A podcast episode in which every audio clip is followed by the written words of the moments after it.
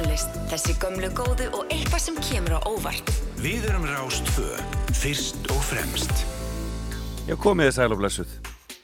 Þá leggjum við að stað hér á Rástfö í þættinum fram og tilbaka og ég heiti Felix Bergsson. Laka til að vera með ykkur allt fram til tíu frétta.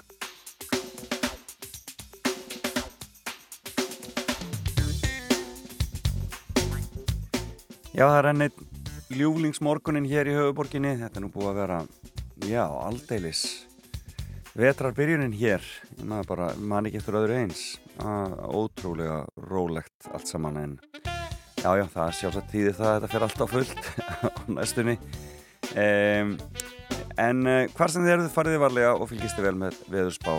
Við fáum góða gest hér í fimmunauti smá stund. Það er Rósa Guðbjörnsdóttir, bæjarstjóri í Jólabæ hér fyrir sunnan mig hafnarfyrði og um, það verður spennandi að heyra hvaða fimmur Rósa kemur með hand okkur. Hún alltaf var orðin þekkt sem fjölumöla kona að hún snýri sér að pólitíkinni.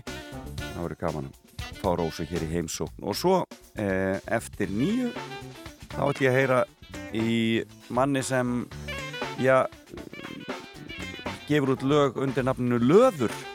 Ég veit ekki hvort það er listamannsnafn eða hvort það er hljómsveitarnafn eða hvað en Einar Örn Jónsson kannski svarar því hér og eftir en hann var ekki út nýtt jólalag og við heyrum í Einar Erni hér og eftir. Hann er náttúrulega kannski þekktastur fyrir starfsitt með hljónstin í svörstum fötum eh, en hefur náttúrulega víða komið við og leggur mikið í þetta verkefni sitt með myndbandskerðu og ég veit ekki hvað og hvað. Þannig við heyrum í Einar Erni hér og eftir.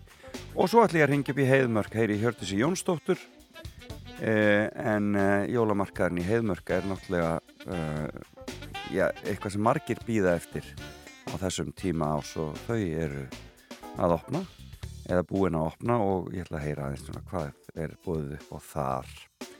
Við erum í jólastemningu hér og svo er það bara tónlistin og það er svolítið að jólatónlist. Eh, og ég ætla að byrja á einu gömlu og góðu sem hefur ekki heyrst allt og allt og lengi. Ég rakst á þetta og fór nú bara að hlæja því ég heyrði þetta skemmtilegt. Ómar Ragnarsson. Ég sett góðgæti í skóin Svona hljómar það.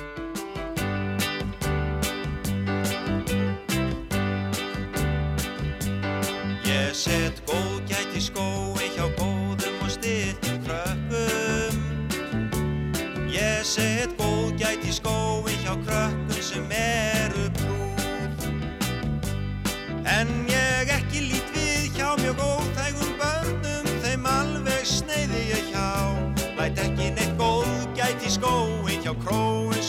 býta og slá. Þegar góðu krakkandi svo hljóð og hlýðin fara að háta og þau halla sér á kottan og steinsofna strax klukkan átta. Erum heitlandi undralend drauma þau svífa og þau kvíl í fríði og ró.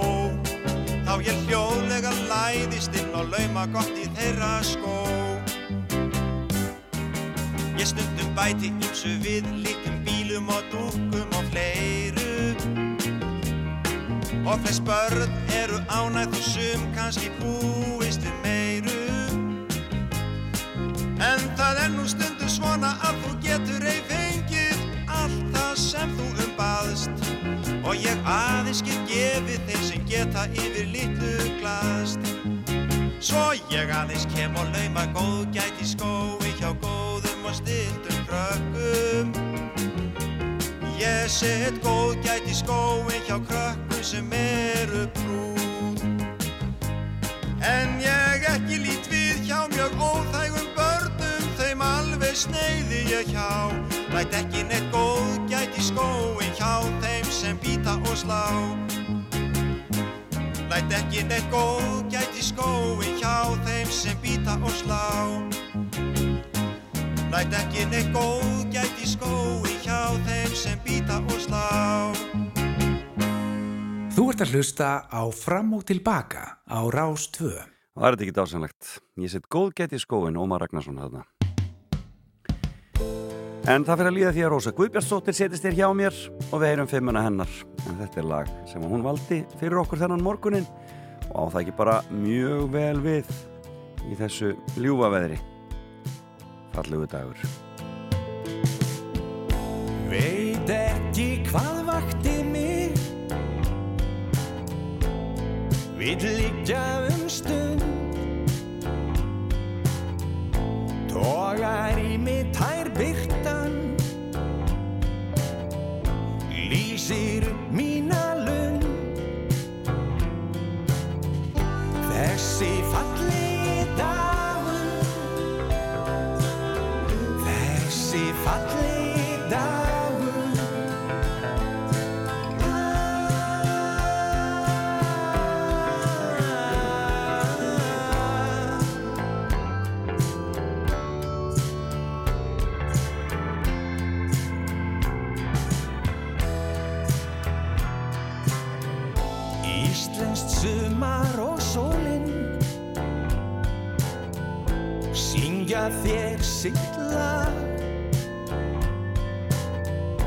gengur glöð út í hitan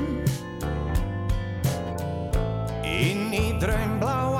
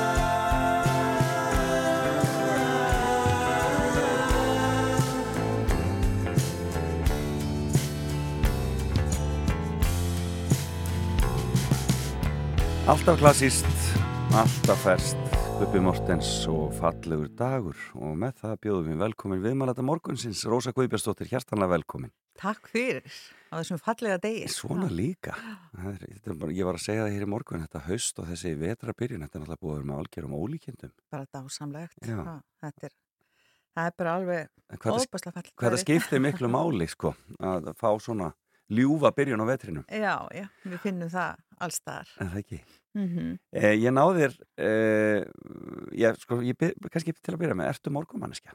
Já, ég er það reyndar. Já. Já. og hefur alltaf verið kannski Já, ég held það bara. Ég er nú yfirleitt bara vöknu svona upp úr sex Já. stundum fyrr, sko, ef ég Já. ætla að fara og hressast í hress kannski stundum og Já. já, já, ég er morgumanniska Já, og og fer þá frekar snemma að sofa á kvöldin í fyrir staðinn. vikið, já, Já. akkurat tekur þá líka saktin á mótnana Já, ég er svona, reyna það, En reyna að halda frábært. uppi þeim dampi. en Hmm. frábært, Já. ég kallaði góða Mm. það get ég ekki maður fyrir að, maður verður að hérna, gera eitthvað til þess að ebla orkuna, ekki Sannarlega. síst svona þegar maður fer að eldast að þá er það bara gríðarlega mikilvægt finnst mér og það hefur bara svo góða áhrif á andlega og líkamlega líðan að fá þess að útrás sannarlega mm -hmm. En ég náði þér, uh, já, fer síminn að stað með þér allt í gangum leið bara. Já, já. Klukkan ára nátta, þá byrjar Þá það. byrjar ballið, þá byrjar ballið. þá byrjar Hvort sem ballið. er lögadagur eða... Já, akkurat. Nei, nei. Já, akkurat. En hérna, uh, ég náði þér í Brussel þegar ég, og, hérna, þegar ég plataði þig til að koma til mín. Já, ég var reyndar á flugi heim frá Brussel Já. og var nettengt að svara tölupóstum og svona. Og já, og þá komst í samband við mig í fyrir dag og hérna. Og, og náði þér, hvað, hvað varst það hvað varst að gera í Brussel? Já, ég eh, sem sagt var þar sem bara í tvo daga á fundi á sveitusöfna vettvangi eftaríkjana Já, já. sem að hafa þar ákveðin vettvang Já.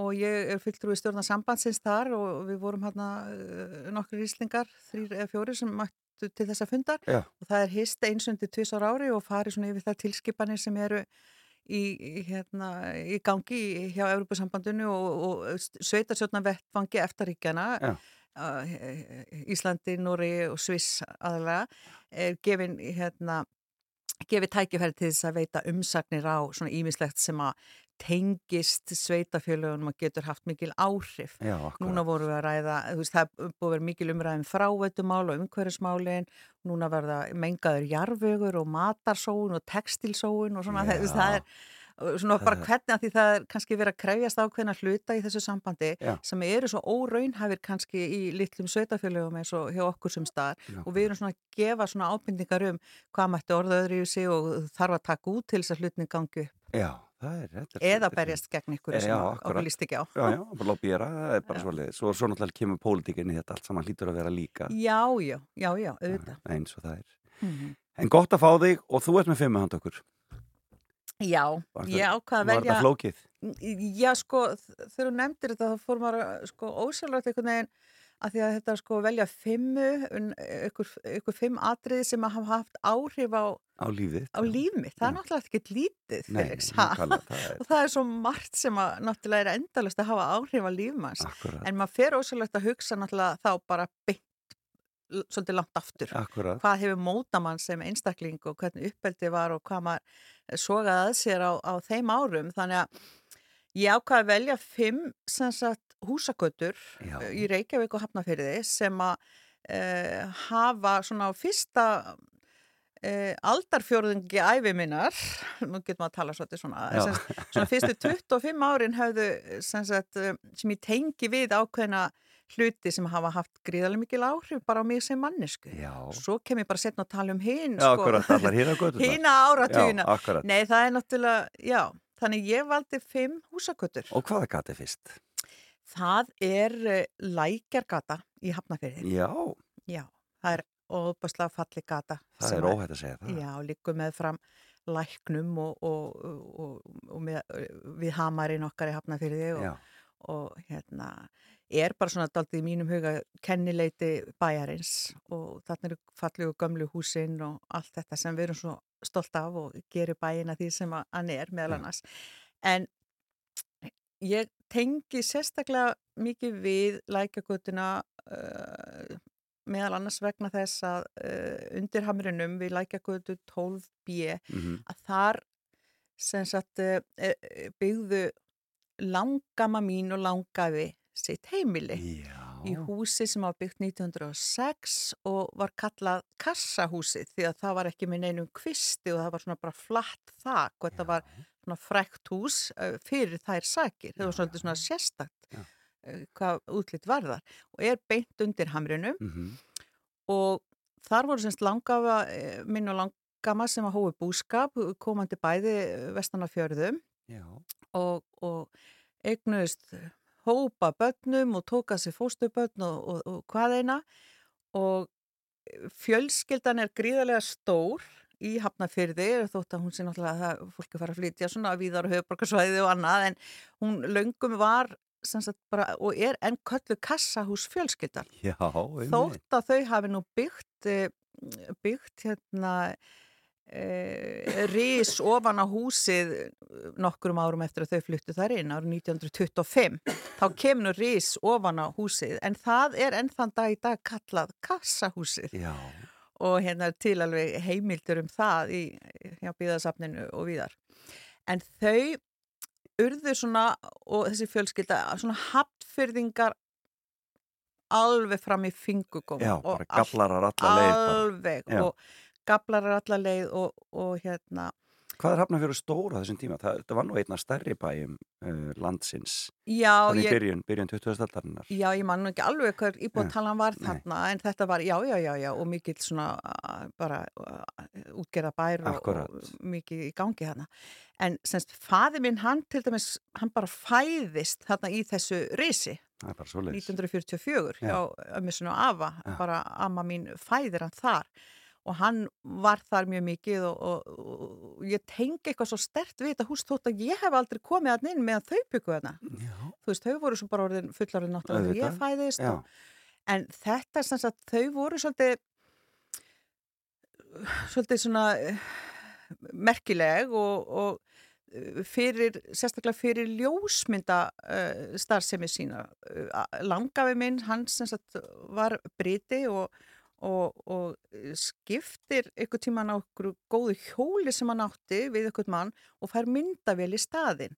Já, og eftir það fekk hann svona mikið ljósmynda áhuga og, og svo þegar hann fyrir uh, út að sigla eða fyrir að vinna út að sjó og svona þá og hann setur upp þarna svona stúdjó og, og, og þá tekur semst langama mín við þeir, því kepli með öll þessi börn og allt þetta eh, þá, bara, þá setur hún upp sem sagt, eh, heldur áfram ljósmynda starfsemi í húsinu, þá var í Já. kallaranum bara ljósmyndastofa og framköllunar ver Það sko þau tókað sér svona fjölskyldu myndatökur fyrir fólk og, og eftir þau liggja alveg uh, alveg einstakar og dýrmætar myndir úr verðmæti, já, bænum öllum akkúrat, já. og það er bara byggðasafn og, og ljósmyndarsafn ekki okkur aðri sem að eiga alveg gríðalegt magn og, og, og fallegar af þeirra ljósmyndum og langama mín sem að var mjög hérna Herdís Guðmundsdóttir, hann hétt Guðbjartur Áskesson Já. að hún var svona náttúrulega alveg einstök kona og ég kynntist henni að því að hún hérna dóa týra þess aldri Já. Og hún var náttúrulega alveg einstök og óbúslega kraftmikil og, og, og gladleg og skemmtileg kona og, og myndaði uh, alla uh, í, marga áratugi og mikil Já. ljósmynda áhuga manneskja Já. en þau hafa sem sagt smitað, veginn er þetta í einhvern genum eða eitthvað því þetta hefur smitast út í svo marga í þessari stóru fjölskyldu, já. og það eru bara flestir þar sem að, já, já, þú Já. veist, mjög margir Já. sem hafa mikinn áhuga á ljósmyndun Og- og það eru, sko, náttúrulega margir áhuga ljósmyndarar Já, en líka atvinnuljósmyndarar eins og uh, Magnús Hörlefsson og Hans Bönn, Ari Magg og, og Silja Magg og- og svo Ólafur Eliasson hérna uh, uh, uh, Myndlistarmaður? Listamæður, Já. já, hann náttúrulega tekur mjög mikið af ljósmyndum og þetta er allt svona uh, fólk sem er mér mjög tengt sem er hérna í, er í þessari fjölskyldu og, og eins og. Magnús, já, kassahúsfjölskyldun og Magnús, hann sem sagt lærir af afa sínum sko, þessa grein og, og, og þetta er einhvern veginn, þetta er ekkert eðlilegt eins og þegar kannski fólk kemur saman og svona, það gerist fyrir nokkrum árum það var svona fjölskyldumóta þá voru allir með myndavel framann á sér, svo maður segja, sko, þú veist, það voru allir, já, já, það næði ekkert ykkur í símar neitt, sko, nei, það var bara ljós, ljósmyndavélar Já. bara, að- já. En gerist þetta eitthvað svona í þínu nánasta, svona hjá þér og þínum sískinum? Já, sko, uh, pappi tók nú mjög mikið af myndum alltaf og svona mjög, svona, og var alveg að tímabilið með áhuga því, en uh, þú veist, var ekkert meira með það, hann reyndar með myndir því að hann var prentari og Já. var alltaf að spá, í- spá í þessar hluti og svona, þetta náttúrulega tengist.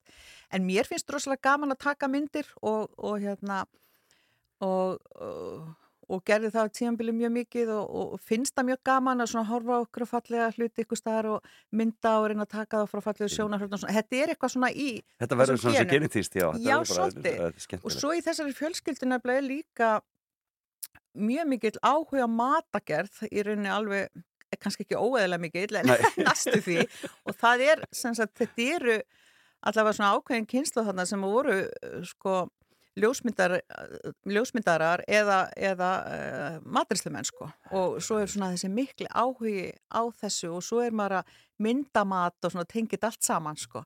Bæði ég og, og, og í talningu Magnús Hjörlufsson og svona sem myndaði marga kokkabækur og svona og, og- þannig að það er svona ég hef, hef til dæmis mjög mikið náhuga á matagerð og það í þess, er í þess, frá þessum genum. Og það kemur frá þessu fólki. Það já. kemur frá þessu fólki vil ég meina því það er óbúslega mikill áhugi hjá jafn kollum sem konum auðvitað og elda. en heldur þau einhvern tengslum við vestfyrðina eftir að þau komu hingað suður? Þau bara gerðist bara gablarar og urðu bara... Já, jú, jú, auðvitað heldur við tengslum en þau eruðu bara mjög miklir hattfyrringar og, og, og mikið að gera stóru heimili og, Já, og með atvinnurekstur og eins og langama mín, hún var líka mikið að mynda fyrir laurugluna, svona Já, frett já. og byrtist myndir af henni e- eftir hana í, í hérna, blöðum eins og morgunblæðinu og svona, er þannig að ykkur tíma var sagt við mig, hún hefði eiginlega verið fyrst í svona kvenn frétta ljósmyndari dásalega. á peysufuttunum að taka fyrir lögguna. Hvað er núna í þessu húsi? Í kassahúsi? Já, það er nefnilega svolítið gaman að því. Svo kaupir þetta, semst kaupir húsið fjölskylda sem að bjóð svo í því ykkur 30-40 ár og Já. held því alveg óbáslega fallega við Já. og, og gerði það fallega upplíka og svona. Þannig að það er í alveg óbáslega góði og fallegu standi. En svo vil svo skemmtilega til að, að fyrir nokkrum árum þá var það sett á sölu og þá kaupir það, ein, þá kaupir það manneska úr kassaðsfjölskyldinu En aftur. Þannig að nú er maður farin að mæta þarna í kaffi Já, og svona. já, já, það er ofsalega gaman að því, sko. En, Frábært, þetta er skemmtileg saga. já, já, þetta, Þetta er svona, uh, skemmtilegu grunnur þarna lagður. já, og það var eitthvað svona eins og, sko, uh, já, þetta var, það er svo mikið gegnum tíðina, þú veist, sem maður hefur heyrt um allt mögulegt sem gekk á þarna, í þessu litla húsi, akkurat. pínu litla húsi í rauninni, Svo verður verið maður svo undan þegar maður kemur. Já, og það sem að átti sér stað þarna og, og, og sögurnar sem maður er búin að heyra um þetta og hitt og allt og alls konar fólk sem að kom þarna og, og þannig að maður tengir þegar ég horfi upp á þetta hús það finnst mér bara, það slæri ykkur svona, það er ykkur, ykkur strengir sem að það hérna, ég tengi bara mjög stert við, við talningum að því pappi fættist þarna og var Einmitt, þarna mikið sem lítill krakki hjá Já, ömmu svona afa og, og þetta er svona mjög náinn og og hann, hann nefndur eftir afa sínum. já, Nei, já, heldur betur. Hvað er næsta gata? Hvað er gata nummið tvö? Gata nr. 2, það er Gnóðavögur, þá erum við komið til. Reykjavíkur sko. Og Já. þar setið þið fjölskyldan niður ykkar Nei, sko, hvað? já, Nei, hérna, ekki alveg. nei, Eh, Fyrstu árin mína þá, sem sagt, uh, uh, sem sagt byggu við fóreldra mín, þá var pappa að læra til prents, þau voru náttúrulega mjög ung þegar áttu mig bara um 20, já, sko. ok. Og hann er að læra til prents og mamma vinn í banka og þau fá svona, þau fá íbúð í bólstæðalíði í svona verkamanna íbúð eins og voru Já, þá, meðan hann var að læra. Já. Og þannig að við byggum þar fyrstu árin og ég var í Ísaskóla og æfingadeild kennar háskólaans en að meðan, meðan hann var svo, svo fór hann að byggja hús í Hafnafyrði sem hann var í mjög mörg ár og þau að byggja og við vorum alltaf að býða eftir því að flytja þanga þannig ég, Akkurat. þú veist, var alltaf hálf flutt þangað í huganum því mér fannst svo gaman í Hafnafyrði Já. og með föðufjölskyldinu og öllum sískununans pappa, öllum sístrónum sem að ég leit svo upp til voru algjöra skvísur og skemmtilegar og eru enn í dag Já. en hérna Gnóðavogur, þar sem sagt byggu uh, móðufóruldra mínir Snjólug og Jón.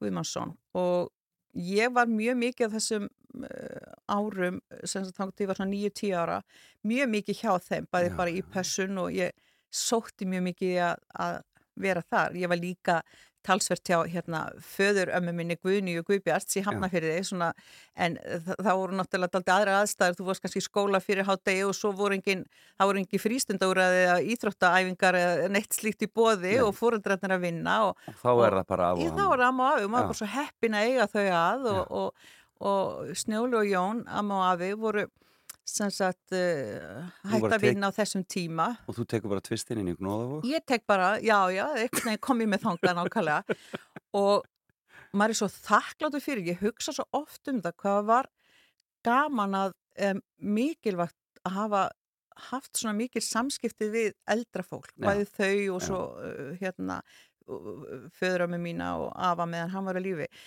en sko Hva, að- hvað þá? Hvað er svona? já, hvað? þú veist ég, og svo, sótti ég svo í þetta. Mér fannst þetta svo gott, ég var einhvern veginn e, þegar maður fyrir að hugsa tilbaka þá eins og þegar við byggum í hlýðunum og svona ég átti alveg leikfélag en samt ekki kannski ykkur svona bestu vini því mér bara veginn sótti í að vera hjá um og afa. Þú veist, það er eitthvað, ég meina þau höfðu tíma e, þau voru bæði hægt að vinna og, og, og það var mikill gestagangur hjá þeim og, og mér fannst þetta bara eitthvað svo notalegt og það var alltaf að vera að baka og elda og þetta bara sem að er svona þetta góða utanumhald. Já. Og afi var náttúrulega eh, sko hann fættu 1906 Já. og þegar maður hugsa tilbaka þú veist, hann var óbáslega svona jafnbretti sinnaður Mhm. og þau bæði og hvaða hafði mikil áhrif á mann þau, maður fekk þaðan og, og svo náttúrulega fóröldra sem líka einhvern veginn, þú getur allt sko, bara, Akkúrat, já, uh, já, þú veist, Já, bara bara trú trú og þú átt bara, þú veist, þú gerir svona, svona, svona að, þú veist, þú hefur alla möguleika. Þú bara eins og, þú veist það var ekkert sko, að ég, e, e, stelpan í fjölskyldinu var eitthvað með eitthvað síðri möguleika eitthvað slíkt, en það hafði amma hún hafði heldur betur hleyft heimdraganum á sínum tíma sem ung kona áður en hún kynnist afa á siglu fyrir unnið í síld og, og sapna sér í nokkur ár fyrir, fyrir því að komast í handafinnuskóla í Svíþjóð. Já, já. og síldi þanga sem þótti mjög djart fyrir kannski 25 ára gamla kona þeim tíma sem mátti bara vera löngu gift og eitthvað Já, sko já. að hún bara, hún ætlaði sér þetta og sapnaði sér fyrir þessu og fór og náttúrulega var ofta að segja mér frá þessu og hvernig var í Svíþjóð og hvað þetta var mikið mál og maður svona dáðist að þessu. Þú veist, maður fór sjálfur ekki til útlanda fyrir, ég veit ekki hvenar en á þessum tíma er þetta verið svolítið mikið mál. Akkurat og afi sem sagt hann er bóndasonur, ef var bóndasonur og, og, og fættur í hún á sístinu kom bara beint úr torf bænum og, og fór í nám og, gerðist kennari hérna í miðbæðaskólanum okay. og þau kynnast svo þar, hún er hann handafinu kennari og hann eh, sem sagt kennari og þau kynnast svo þar setna á kennarastofunni. Þetta er alveg, alveg romantík Já, en þetta einhvern veginn, sko hann var líka, þú veist, með þessa trú, þú veist, bara stíðu út úr því sem þú ert og gerði bara það sem langar, sko, hann fór Nákvæmlega. Bara og lærði og flutti til Reykjavíkur og gerði það sem hann langaði. En þetta er svona svolítið ný hugsun á þessum tíma sko. Hallgrim Helgason lýsir svo vel í bókunum sínum sko, þessu Mhm. þegar síldin kemur og fólk fær þetta efnagslega frelsi þegar peningarnir kom allt í hennu og í þessu samfélagi sem vissi ekki hvað peningar Já. voru eiginlega skilur Já, algjörlega. og allt í hennu eins og þú segir með ömmu Mm. þína þá fyrir fólk að geta bara lagt til liðar Já, lagt fyrir og, og, og látið draumur sína ræta láti drauman að ræta. Þetta einhvern veginn bæði fekk maður bara gegnum það hvað þau höfðu gert, þarna aldamóta, eða þú veist, fólk sem hefur fætt á þessum tíma fyrir um, 120 árum eða hvað er orðið.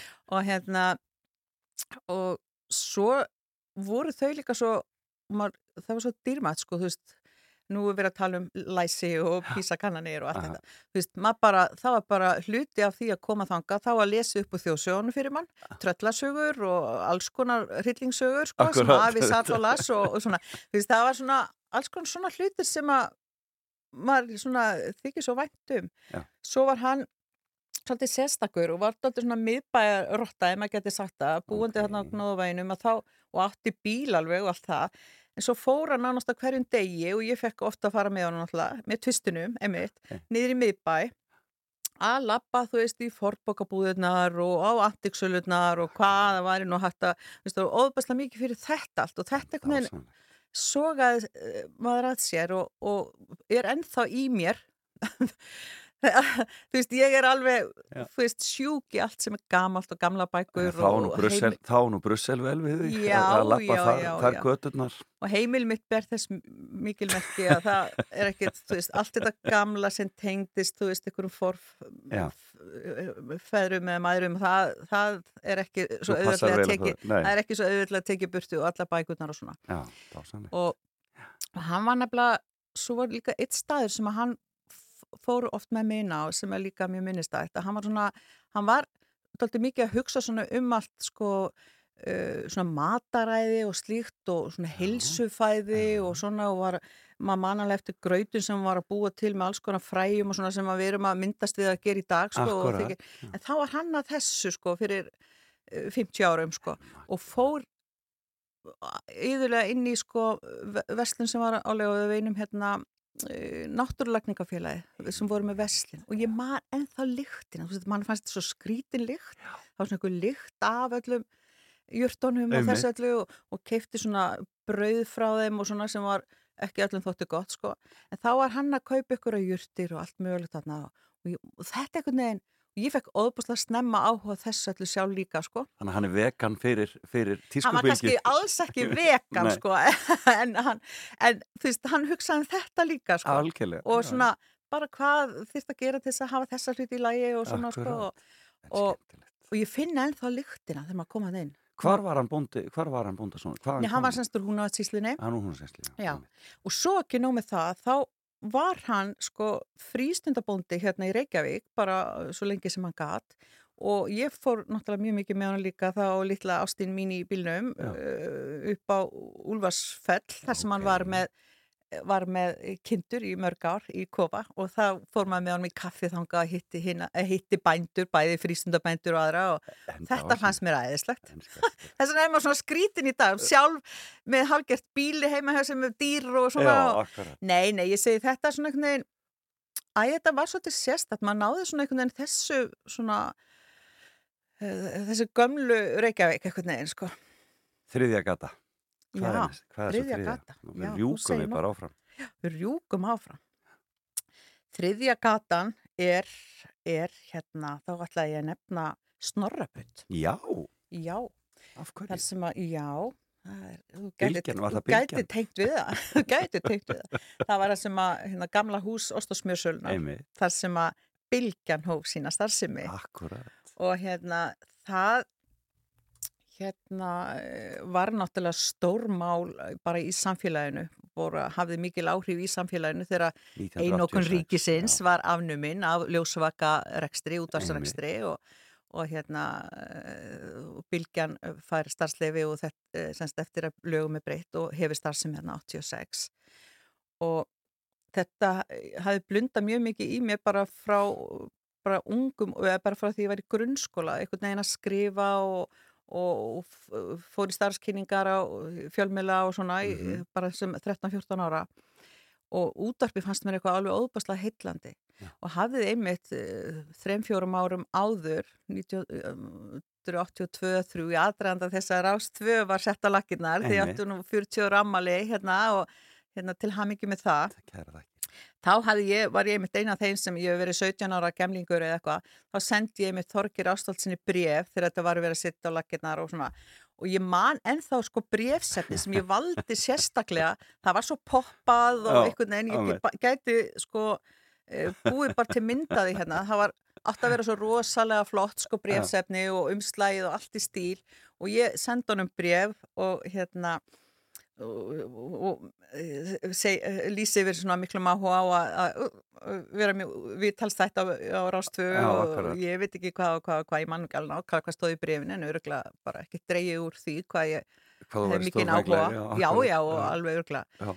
en því var nú ekki svarað Nú, hvað og er nei, Þorgeir, hvað ertu? Já, algjörlega Nei, nei, og svo hérna nú, voru nú örlögin þannig að við, nei, svo bara glemdi ég því og, og, og hérna, svo þegar Bylgjan nokkrum árum síðar gerir svipað, auðlisir eftir fólki og þetta er allt breytt og ég er náttúrulega orðin aðeins eldri, Einmitt. þarna var ég náttúrulega bara bann, sko, að þá hérna gefur uh, Einar Sigursson uh, þá eh, sem, sagt, sem var hérna fyrst útarstjóri með tækifæri og tekum ykkur að pröfur og, og Páll Þorstinsson og svona. Og ég fekk hérna tækifæri til þess að vera með og var einna fyrstu svona starfsmennunum og, var samhliða háskólanámi með í dagskrafgerð að taka svona viðtalsþætti Já, eins og þú ert að gera Já.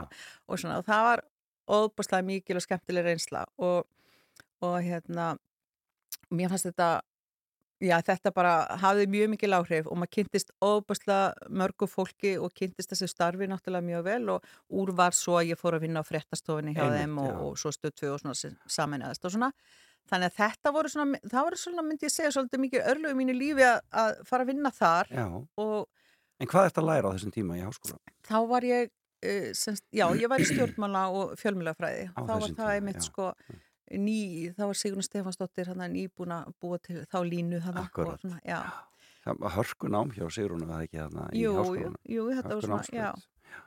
En hérna, En þið leið vel á snorrubrötinni? já, alveg opaslega og, og þarna hafði ég keift mér uh, 35 ferm, mína fyrstu íbúð 35 fermetra íbúð á Hallvegastig til þess að geta hjólað.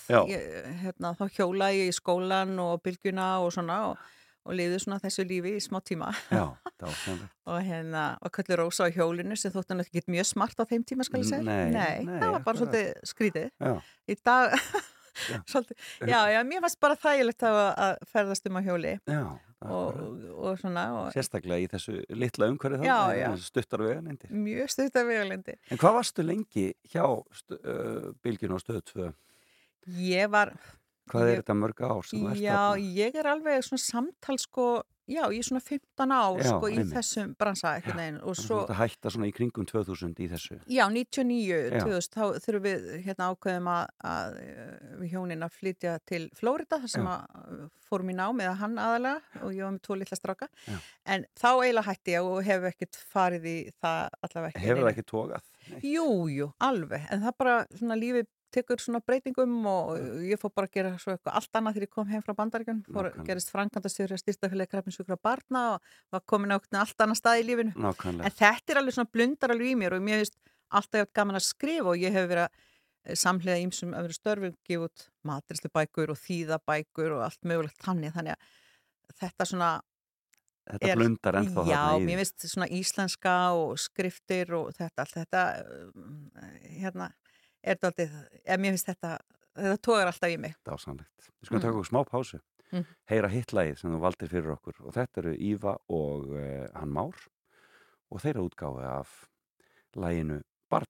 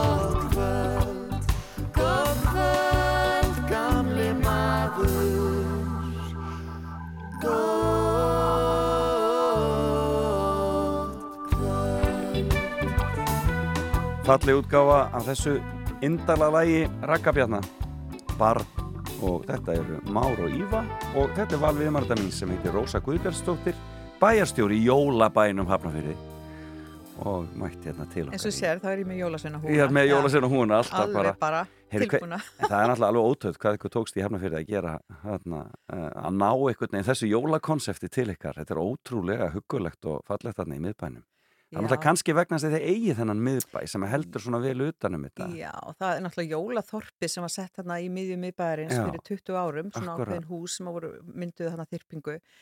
Að uh, þau voru náttúrulega frábær byrjun en svo hö- höfum við undarfærin ár verið að byggja svona einhvern veginn ofan á það og Akkurat, einmitt. dreifa skreitingunum og skreitahelliskeri setja upp uh, skautasvell og, og, og bæta inn í jólaþorpi Og og, og hverju ári núna að bæta einhverju aðeins nýju við og þetta skiptir bara svo miklu máli og við erum að byrja fyrr að skreita á annað heldur en við höfum gert Já.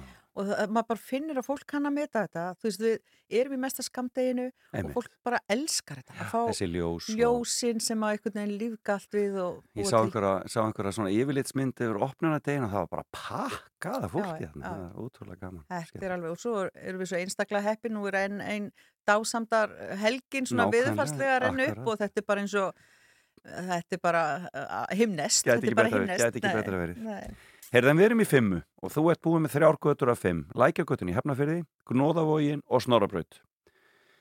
Eh, og hvað er fjórðagatan? Það er miðvangur í Hafnafyrði. Miðvangur í Hefnafyrði. Já, þar sem fóreldra mínu voru þarna Að byggja lengi. að byggja lengi, alveg Já. bara með hérna, bara sjálf eins og var á þessum tíma og við Já. fluttum svo loks 1979 inn í húsið í fyrirhætna landinu í Hafnafyrði þar sem ég uh, vissi allt væri svo frábært og lakkaði svo til að flytja til og En þá ertu komin á unglingsárin og bara... Nei, þá er ég sko, uh, hvað sagði 1979? Já. Nei, nei, fyrir ekki, ég, hérna, ætla að drekka aðeins meira kaffi. Já. 1974. Já, ok. Já, þá er ég sem sagt, er ég nýja ára að Einmitt, tíu ára. Akkurat. Og, og hérna, við flytjum hérna í svona hús eins og fólk gerði þessum tíma, þú veist, vantaði hurðir og vantaði þetta og hitt og svona, en bara allir að eðisla ánæðir. Er. Og þarna náttúrulega, sko, voru líka náttúrulega urðu mjög mikið mótunar ár. Þetta var sem sagt, miðvangur er eh, í, í norðubænum í Hafnafyrði sem Mhm. að var að byggjast upp á þessum tíma og byggðist mjög hratt upp. Það var svona í kjölfar álversins og þeirra starfsemi og atvinnu sem að þar hlaust af að Einmitt. þá byggðist þetta hverfi upp og mjög hratt. Og ég fór í Víðstæðaskóla sem að uh, var settur að lakna 1970 og var á tímabili eitt stærsti eða fjölmennasti skóli landsins. Já. Það voru 1200, og- yfir 1200 börn í skólanum Vá. og, og maður var einmitt þegar við vorum 14-15 ára að þá var ekki eins og pláss fyrir úlengadeildina. Þá löppuðu við, þú veist, upp í Flensborg og Dvergshúsið og bara hingað og þangað um bæin að að, eh, að því það var ekki pláss í að skólanum. Sko. bara, já. Og það þótti bara ekki tiltökumál að uh, ganga nokkra kílómetra fram og tilbaka hverjum degi og í, dag eru svona aðeins aðrar kröfur Sannarlega.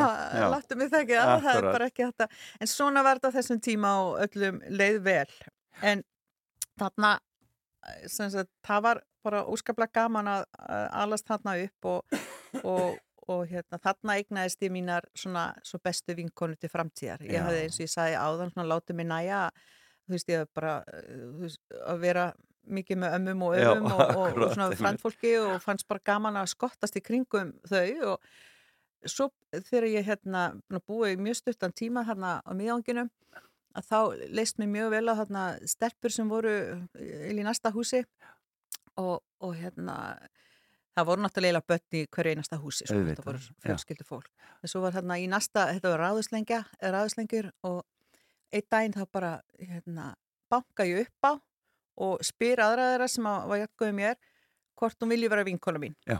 og við erum ennþá bestu vinkona Það er bara svo leys, já. Það er bara, afgreitt svona, já, já, akkurat. Svona á að gera og þetta. hérna og, og sýst og ditta sem að byggu þarna dættur Helga í Já, já, já. og hérna það er sem sagt svo eruð við bekkjafélagar og sátum saman alla grunnskólan og, og ditta einu ára eldri og fylgd okkur mikið og fylgjur okkur enn og við erum bara ég eignast svo sannlega góða vinkonur þannig Já, og einmitt þetta, ég bara bankaði upp og maður bara bjargaði sér Nákvæmlega. viltu vera vinkona mín? Já, svona þannig að þú, þú í rauninni slítur alveg þarna svona eh, eldri barnæsku og, og, og unglingsskónum í hérna, í Já, hafnafyrinu. í Norðurbænum, í, í já. Og það var náttúrulega bara eindislegt að vera þarna í leika sér í hrauninu og, og, og svona bara eins og maður gerði og, og þetta var alveg frábært að alast þarna upp og innan um eins og ég segi alla þessa krakka og, og svo er svo magnað, sko, svo sér maður svo mikið í dag, e, bara það er svo margt af þessum krökkum sem maður ólst upp með þarna í þessu hverfu og í skólanum sem að eru bara ennþá í hafnafyrði, þú veist, sem einmitt. annarkur kannski eins og ég flutti í 2-3 ár til Reykjavíkur og mig var í háskóla og var svona á hjólinu, sko. ha, Einmitt. að- og aðeins til útlanda og eitthvað svona en, Já, já, akkurat. Svo koma einhvern veginn allir aftur og maður er að hitta þessa skólafélagi sína í ræktinni og út í búð og golvöllinum og já, alls það, sko, já. og börnin uh, þekkjast og tengjast og allt þetta. Einmitt. Þannig að þetta var, en þetta það er nú merkjum gott bæjarfélag þegar það er svo leiðis, gott samfélag. Já, já, fólk já, vill fólk vera vill áfram. koma aftur. Já, Já, já, En þarna var sko, líka sko, fóreldra mínir eða pappi var sem sagt prentari og var með sína einn prentsmiði hann skamt frá og, og kom oft heim í hádeginu og með mamma var að vinna í bankarum allan daginn. Já. Og, og hérna, eldaði stundum handa okkur og svona Já, einmitt. það var hérna, þægilegt En ég, svo sótti maður náttúrulega líka daldið mikið eins og uh, hérna, þegar mikið var, uh, í prentsmiðuna til hans Já. og var daldið mikið í kringum hann þar svona, svona ákveðin tímabilum Einmitt. og mamma fór stundum að vinna í prentsmiðuna eftir sinn vinnudag eitthvað að gera með eitthvað pappira sem þurfti að ræða í kassa og svona eins og þá var akkurat, og, og ég sko ég hreinlega elska lyktina af uh, ný uh, prentuðum bókum. Þú veist ég Akkurat. bara, þú veist þegar ég finn þessa lykt þá fæ ég náttúrulega algjört svona nostalgíu kast nostalgíu kast og, en þetta er náttúrulega bara svo æðislegt og ég, veginn, ég elska pappir það er eitthvað sem ég hef frá pappa. Þú veist, hann var alltaf að spá og speklur í pappir og, og búandi til ykkur kort og, og, þú veist, og ég er alveg þarna og, og á allt og mikið af bókum og alls konar pappir og svona.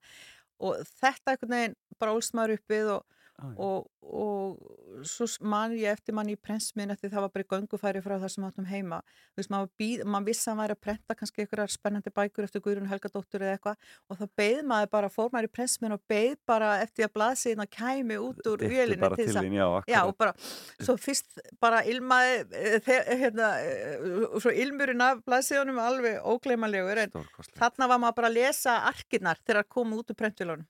frábært Þannig að þetta var, þetta var bara, eh, hérna, ljúft samfélag þarna og, og gott að alast þarna upp.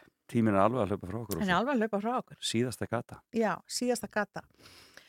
Uh, það er Hafnarstræti í Reykjavík, Hafnarstræti, já Hafnarstræti, og það er veitingastafan Hornið. já, sem er rúmlega Einmitt. er það ekki? Jú.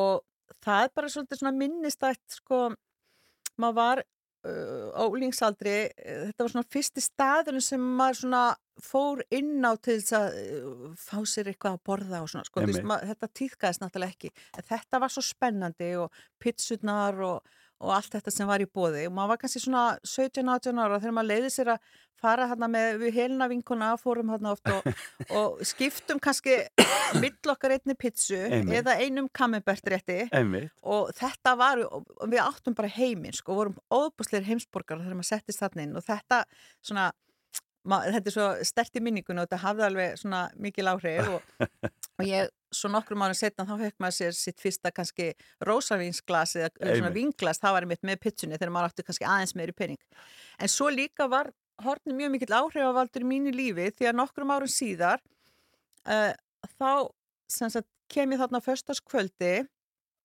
að hérna, hitta hana Gunnu Kristjáns, vinkonu mína og sem var fyrir ekki að Gunna hérna í systra samlæðinu sem Einmitt. var vinkonu mín úr háskólanum og úr hafna fyrir gamla daga við vorum að fara eitthvað, hún vildi endilega fá mig með sér eitthvað að skemmta sér eða skemmt okkur og hún var í ykkur svona starfsmannapartíi þarna, eh, hún var þá að vinna alþýðiblaðinu ok og voru blaðamenn á alþýðiblaðinu sem voru að fá sér að borða saman og allir svo að fara eitthvað út á lífið. Hún einhvern veginn ringdi í mig og segja æg, kontu og hitt okkur þar bara í kvöld og gerum eitthvað.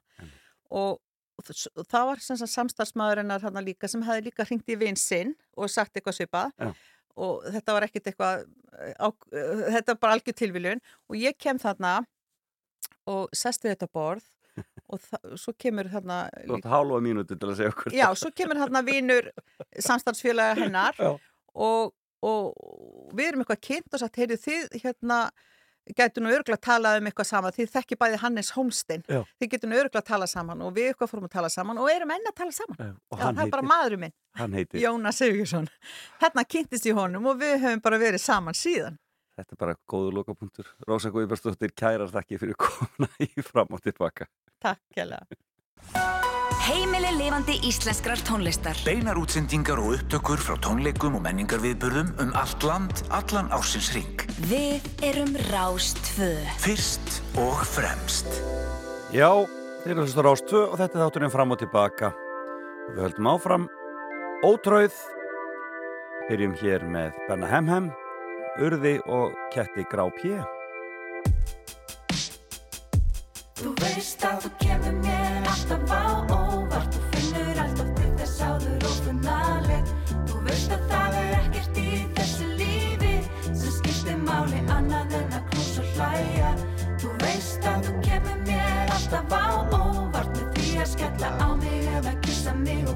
knúsa Þú veist ég verð að koma þessu frá mig núna? Til þess að koma þér á óvart.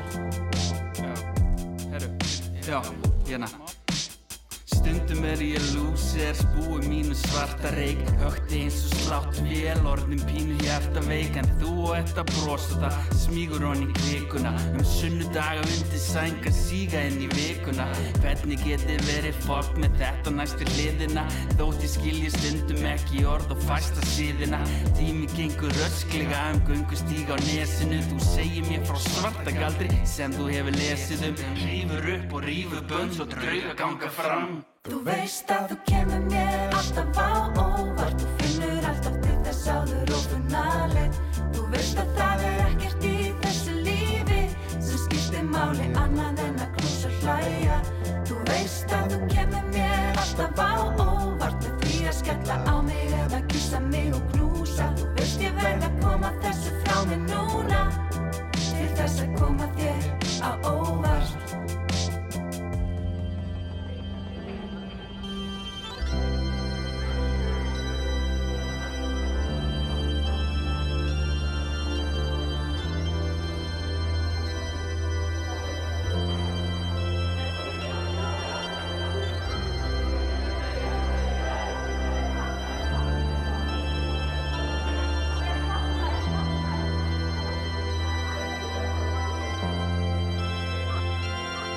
Að þú kemur mér alltaf á óvart. Þú finnur alltaf til þess áður og funnaleg Þú veist að það er ekkert í þessu lífi sem skiptir máli annað en að knúsa hlæja.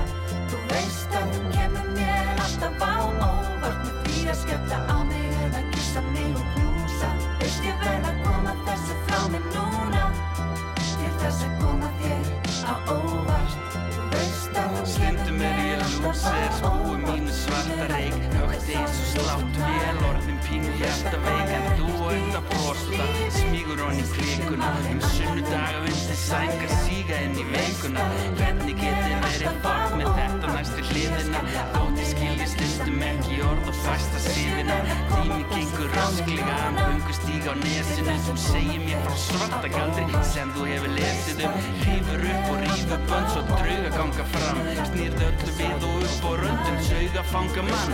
Ég skil ekki, ég kann ekki, ég vil og langar skil Á meðan negli dagur nóg og ekkert langar til. Veist að þú kemur mér alltaf á óvart. Með því að skella á mig eða kissa mig og knúsa. Þú veist ég verð að koma þessu frá mig núna.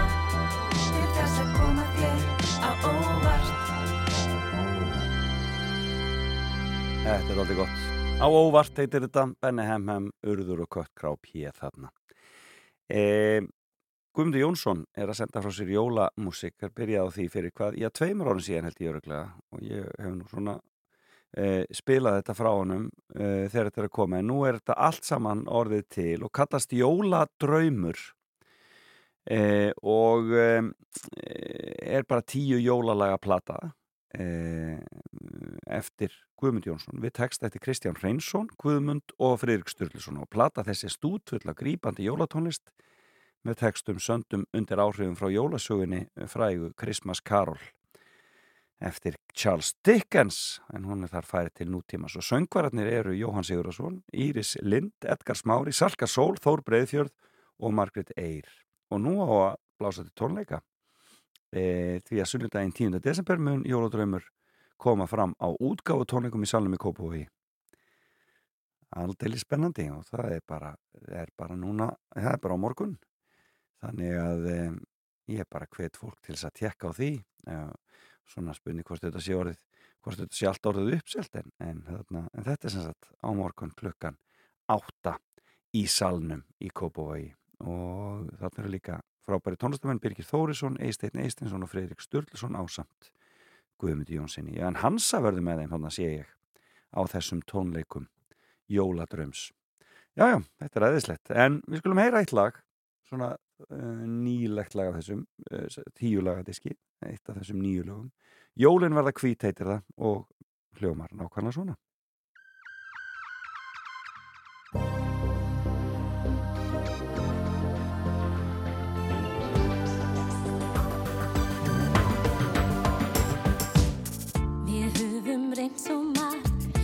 spurning hversu mikið lærum við af því?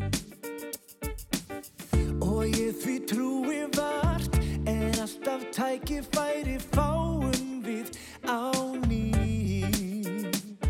Það er jólanótt og fann hvít jörn Svo við skulum gleyma því sem miður fer. Ég vil eiga með þér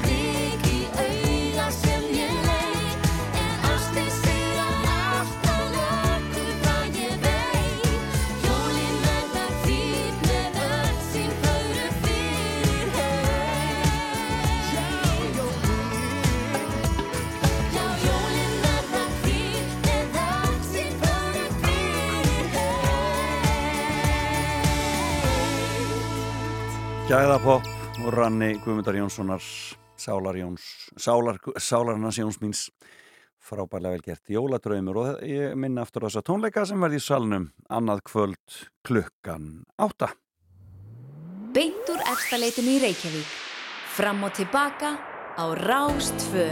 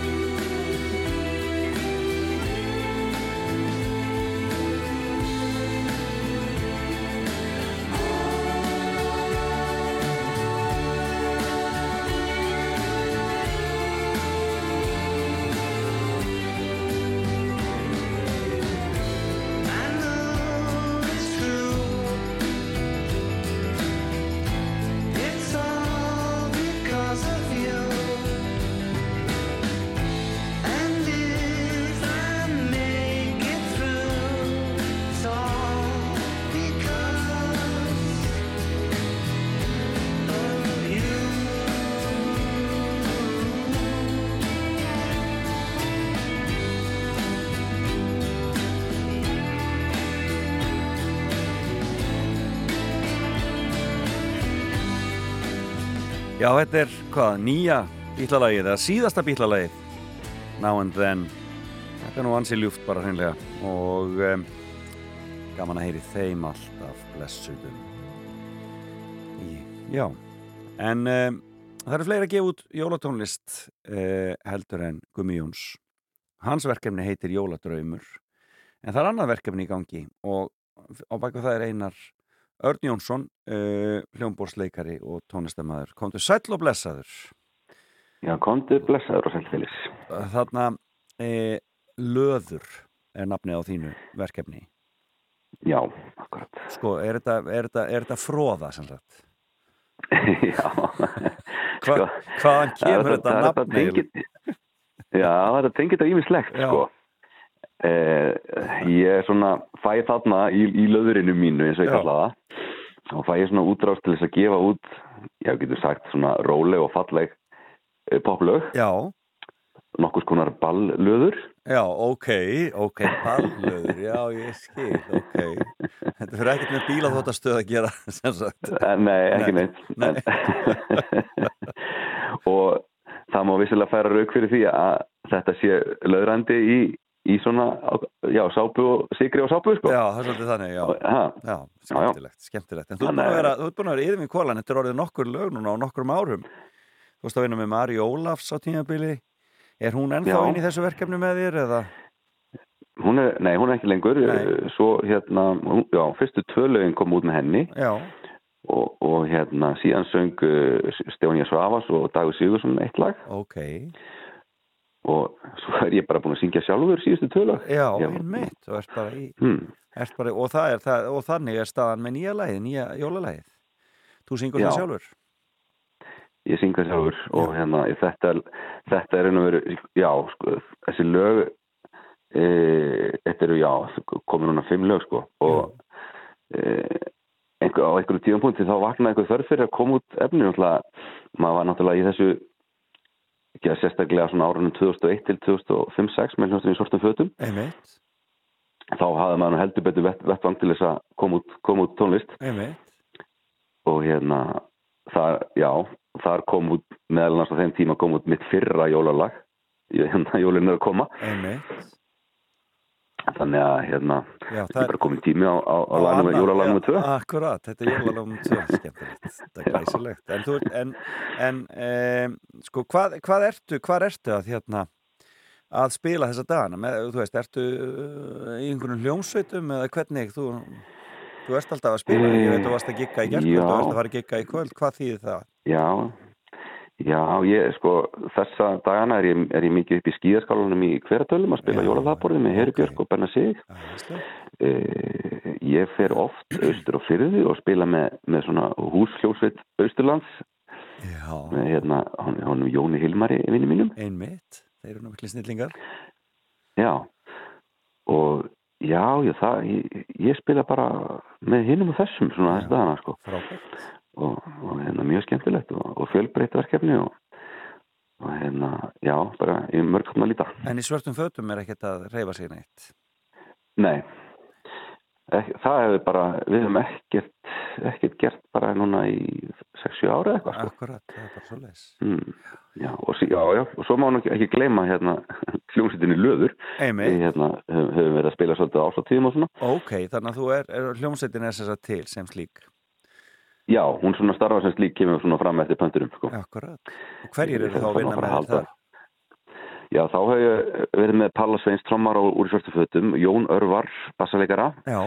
uh, Daví Sigurgesson á gítar og, og síðan hefur Dagur Sigursson og, og Erna Hrönn svolítið við að syngja með, með mér líka. Og, og þá helst þau. Og, og það finnst mér mjög, já, briljant fólk og, og hérna, afskaplega þægilegt og skemmtilegt að vinna með það, við þurfum ekki að æfa okkur mikið þetta er bara, þetta er allt í puttunum og Já, svolítið talið talið í bara. Já, Já, bara talið og, og allir, allir í stuði sko. Þannig að, e, sko, þetta er persónulegt jólalega, það ekki? Jú, þetta þetta er í lag fættist það er komin svolítið mörg ár síðan lagi fættist sko Já. og hérna svo datt mér í huga að se- setja texta við það svona út frá mínum persónlega reynslu heimi e, og mínum persónulega jólareynslu heimi því að já, þetta fjallar svolítið um svona fyrstu jólun með, með, með, hérna, hjá mér og Huldu, konunni minni og, og hvernig svona, já, árið 2000 hvernig lífið ma, lífi mann svona snýrist svona kvolf, má segja. Akkurat. Þannig að fyrsta jólalagi var var um batnajólin Jólin Já, er að má segja koma. það. Já, nú er Já. það svona fyrstu svona, hérna, hérna sambúðarjólin og Já, á þriðja jólalagið kemur þá eftir svona, já, 20 ár cirka og þá verður það um þarna um stóru fjölskyldjólin Já, þessi, þessi ágætt að hafa svona 20 ára milli. Einar nýnilega til hamingi með þetta, frábært lag hjá þér og við skulum heyra það hér í lokjana þessu. Á eigum við að heyra, eftir að heyra þig eitthvað, flytja þetta lag? Þá kannski bara með löðuri ef að löður kemur já, fram. já, ég nú maður, ég, hef ekkert, svona hugsað út í það sko Nei. ekki, ekki að stefna á einhverja góða tónleika bara fyrir, fyrir næstu jól Nákvæmlega, en það, verður, en, en, en það er komið náttúrulega myndband, eða ekki? Jú, jú, við verum að hvetja hlustundu til þess að hérna, finna, finna myndbandi við þetta lag á, hérna, á YouTube Já.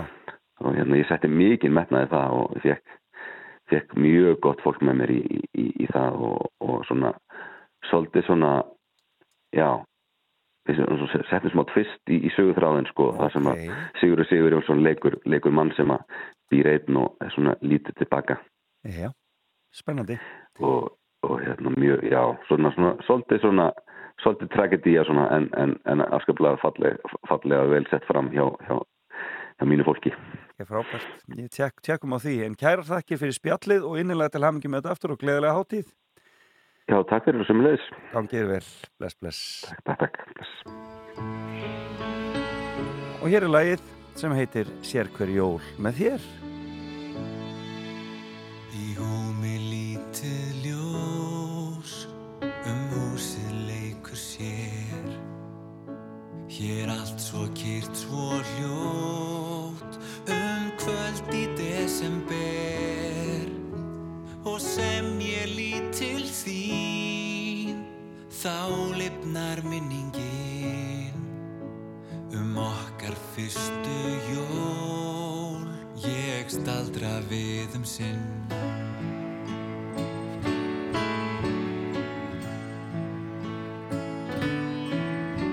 Það hefði sjálfsagt engan órað fyrir því að væri lítill engill komin heiminn í Það gerðist allt svo fljótt. Já, ástin kann sitt fag. Hún lagði okkar slóð og lifir enn í dag. Og síðan hefur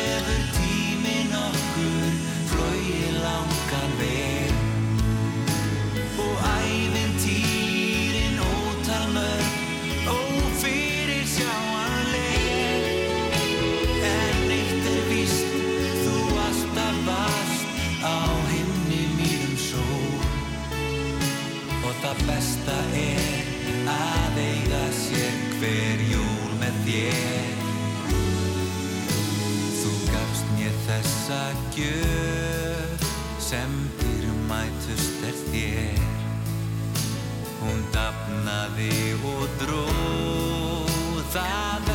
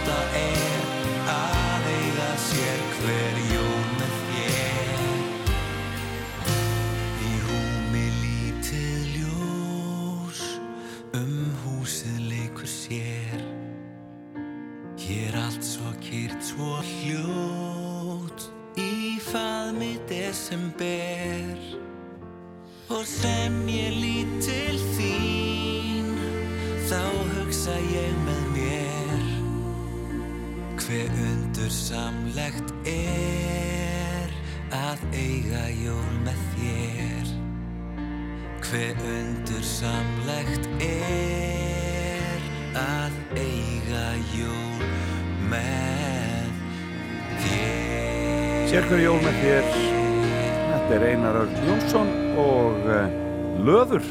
Velgjert Beintur efstaleitun í Reykjavík. Fram og tilbaka á Rástvö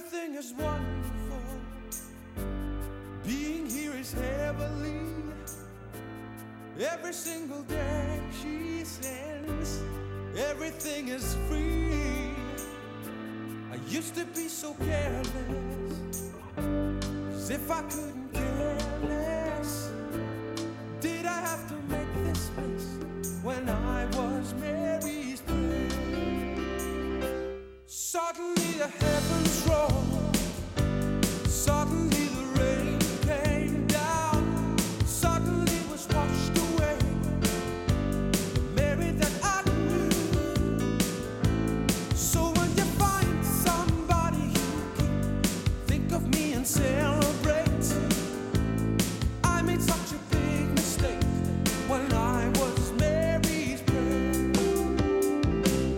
Oh, if I save me, save me, be the light in my eyes. If I Marys, leave a light on in heaven for me. Blessed is the one who.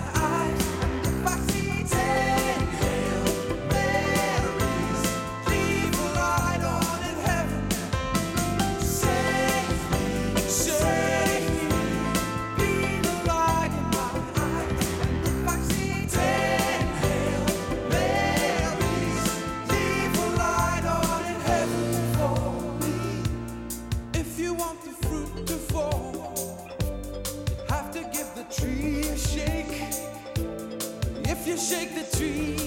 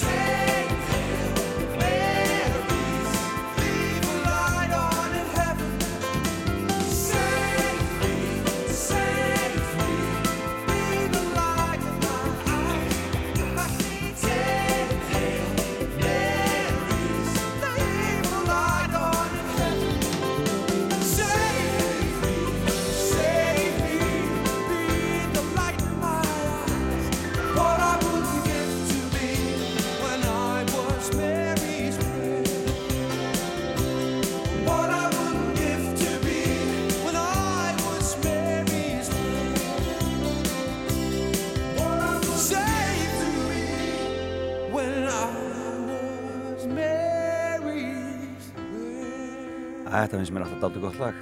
Mary's Prayer, þú voru Daniel Wilson. Heyrim ég þeim í heimörkinni hér eftir smástund. Fyrst og fremst. Þetta er Rástvö Dalegari Æjó Hageru no ne.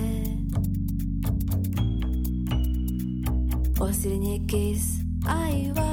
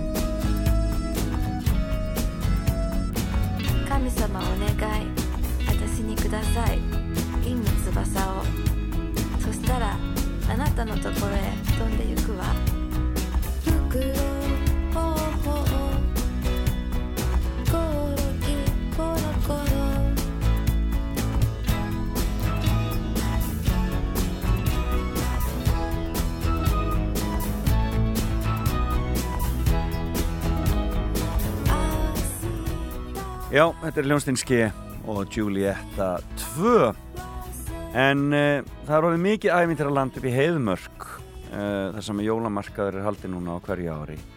Og þetta stækkar stöðut og verður stærra og stærra. Hún er í símanum, hún Hjördís Jónsdóttir. Komdu sæl og blessuð. Já, sætt veistu. sæl og blessuð. þú ert bara í, í forsvari fyrir þetta, þetta átak hérna hjá ykkur hjá skóraktafélaginu í heiðmörkinu, það ekki rétt hjá mér? Eh, Heldur betur. Frábært. Þú, hvað, hvað er þetta búið að standa í mörg ár? Veistu það? Hvenar þessi jónamarkað Já, ég var að skoða þetta um daginn Já. og þetta er alveg búið að vera í einhver ár. Já. Uh, þetta er 16. árið sem við höldum jólamarka hérna í Heimörk. Já, frábært. Þannig að við erum orðin þullrend Í, í þessu? í öllu þessu sko. Já, en þetta hefur stækkað, stækkað heilmikið. Alltaf, það bætist alltaf eitthvað við. Nú komin leiksýning þarna inn í þetta allt saman og, og ég veit ekki hvað og hvað er það ekki. Já. Já, við erum, við erum núna með eh, jólamarkað hjá Ellefarsbænum. Ok. Uh, og það er rosalega fallega staður, við horfum við vatnið og erum með jólatrið hérna út um allt og við erum með handversmarkað og, og alls konar skemmtilegt. Já. Við erum nýrist af möndlur og kakó og, og, hérna, og jólatónlist. Og síðan erum við líka með jólaskóin í, á Hólmseiði Já. og þar getur fólk komið og fengið fægir eða komið með sinna eigin sög og valið sitt eigin jólatrið úr skóinum og hérna og gert svolítið dag úr því með fjölskyldinu og hokkið sitt eigin tré. Þannig að þið notið tækifæri og gresi skóin aðeins og, hérna, og, og seljið fóttum á pening fyrir. Akkurat. Þetta er rosa sniðið og fyrir hvert tré sem við seljum Já.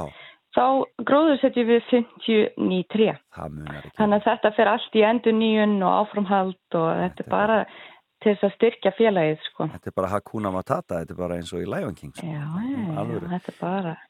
Þetta er alvöru. Og, en þetta er upp á Hólmseið, þannig að er ekki, þetta er ekki inn í heiðmörk sem, að, sem að þetta er. Nei, það það er annað. Já. En ég sitt núna í, í heiðmörk og, er að horfa út á vatnið og, og var sko að veðurspána á hann og það er bara dásamlega veðurspá. Við erum með dagskrá í dag sem að e, mjög spennandi.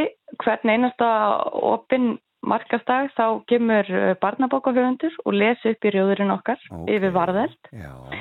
Og í dag kemur Ragnir Gerstóttir og, og ætlar að lesa upp á bókinu sinni Jólaljós. Og morgun kemur hún Sigrun Eldjátt og þetta er alltaf klukkan tvö reglulega. Frábært.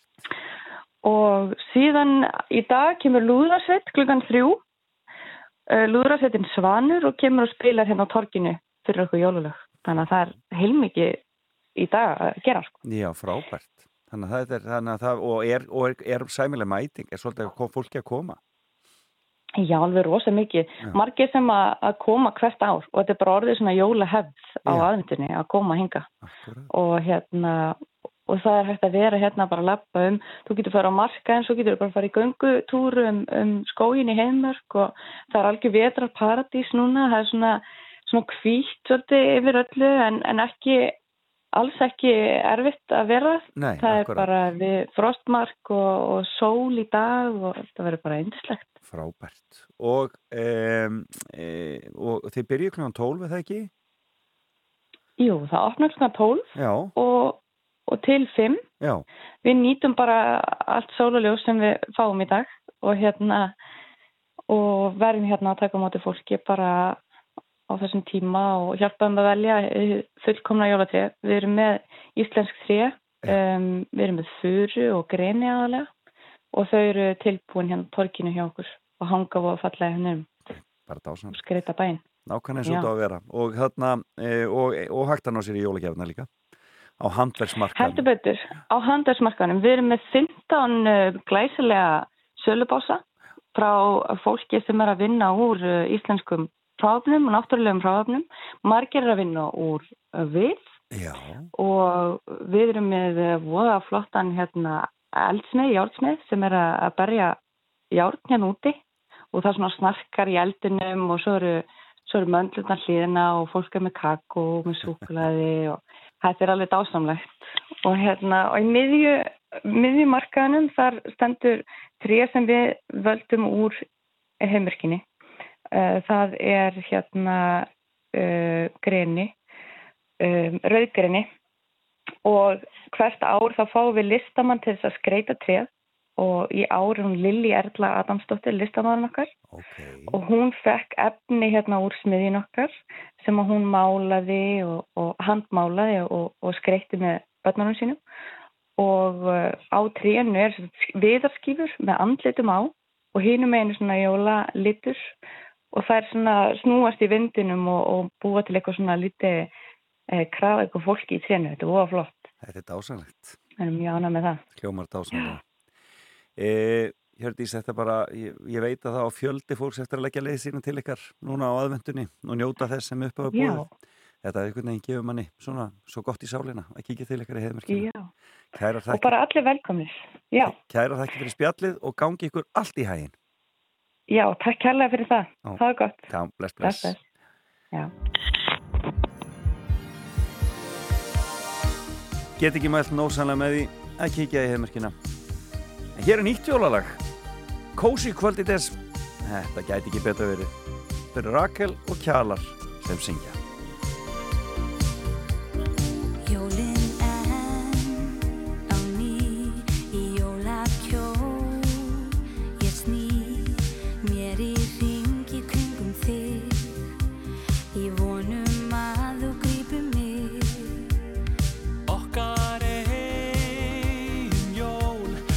Three.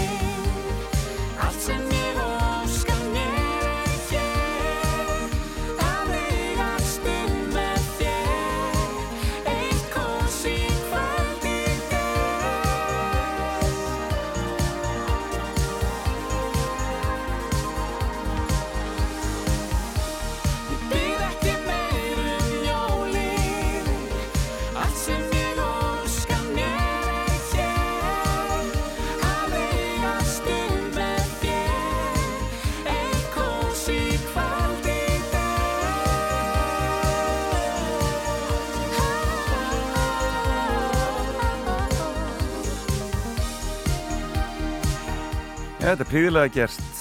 Lag eftir Gunnar Inga Guðmundsson, text eftir Gustaf Lillendal og það eru þau Rakel Páls og Kjalar. Sigur sætt og fjörugt í gömlum 80 stíl, segir hér í kynningu og það var sannarlega þannig. Kósi kvöld í des. Fylgstu með Rástfö á samfélagsmiðlum. Flett upp á Rúf Rás 2 á Instagram. Rástfö. Fyrst og fremst.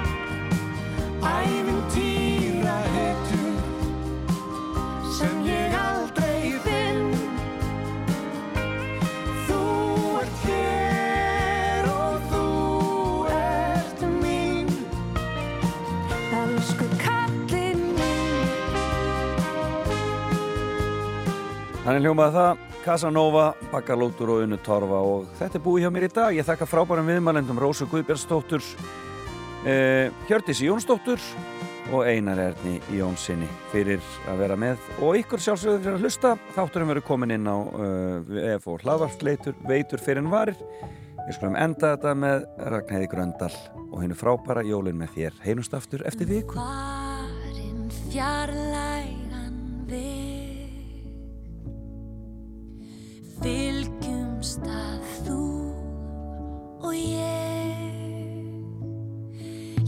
Hjartans lifna ljóð og lítil kviknar glóð